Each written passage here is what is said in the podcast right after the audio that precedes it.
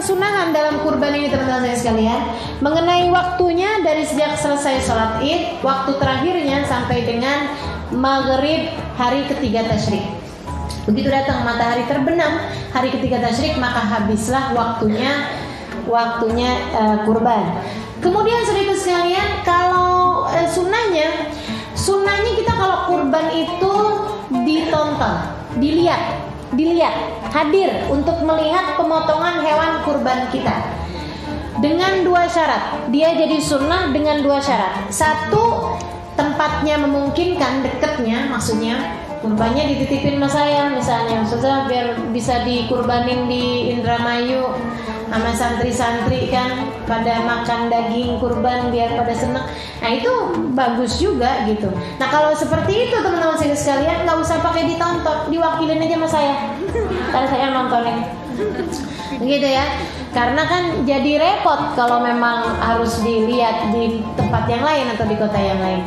Kemudian saudara sekalian, yang keduanya syaratnya sunnah untuk nonton adalah apabila tidak membuat kita berdesak-desakan dengan yang bukan mahram.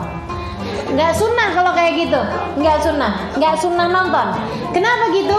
Sebab e, berdesakan dengan laki-laki yang bukan mahramnya hukumnya haram. Sementara nonton kurban hukumnya sunnah. Bagaimana mungkin kita mengerjakan yang sunnah dengan melanggar yang haram? Tapi kalau suamimu yang potong kurban, kurbannya di mana nih bang? Di belakang rumah misalnya gitu ya. Nah kan kita masih bisa lihat tuh. Nah kalau kayak gitu bagus untuk dilihat seperti mana yang diperintahkan Nabi Muhammad kepada Sayyidah Fatimah. Ya Fatimah syidilaki udhiyatik. Wahai Fatimah saksikanlah ketika hewan kurbanmu dipotong. Dengan kepalanya dihapuskan dosa kepalamu Dengan kakinya dihapuskan dosa kakimu Dengan seluruh anggota tubuhnya dihapuskan dosa seluruh anggota tubuhmu Kurban itu teman-teman sekalian, kita kalau berkurban sunnah mengambil sebagian dari kurbannya.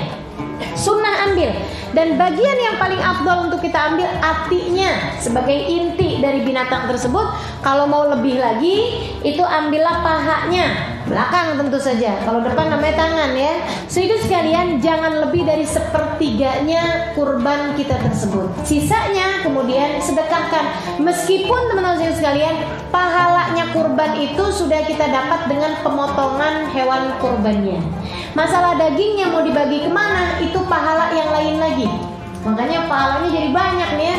Ketika kita bagikan kepada fukara dan masakin, kita selain dapat pahala kurban, dapat pahala sedekah. Ketika kita bagikan kepada keluarga kita, baik yang mampu ataupun yang nggak mampu, kita selain dapat pahalanya kurban, kita dapat pahala menjalin silaturahmi.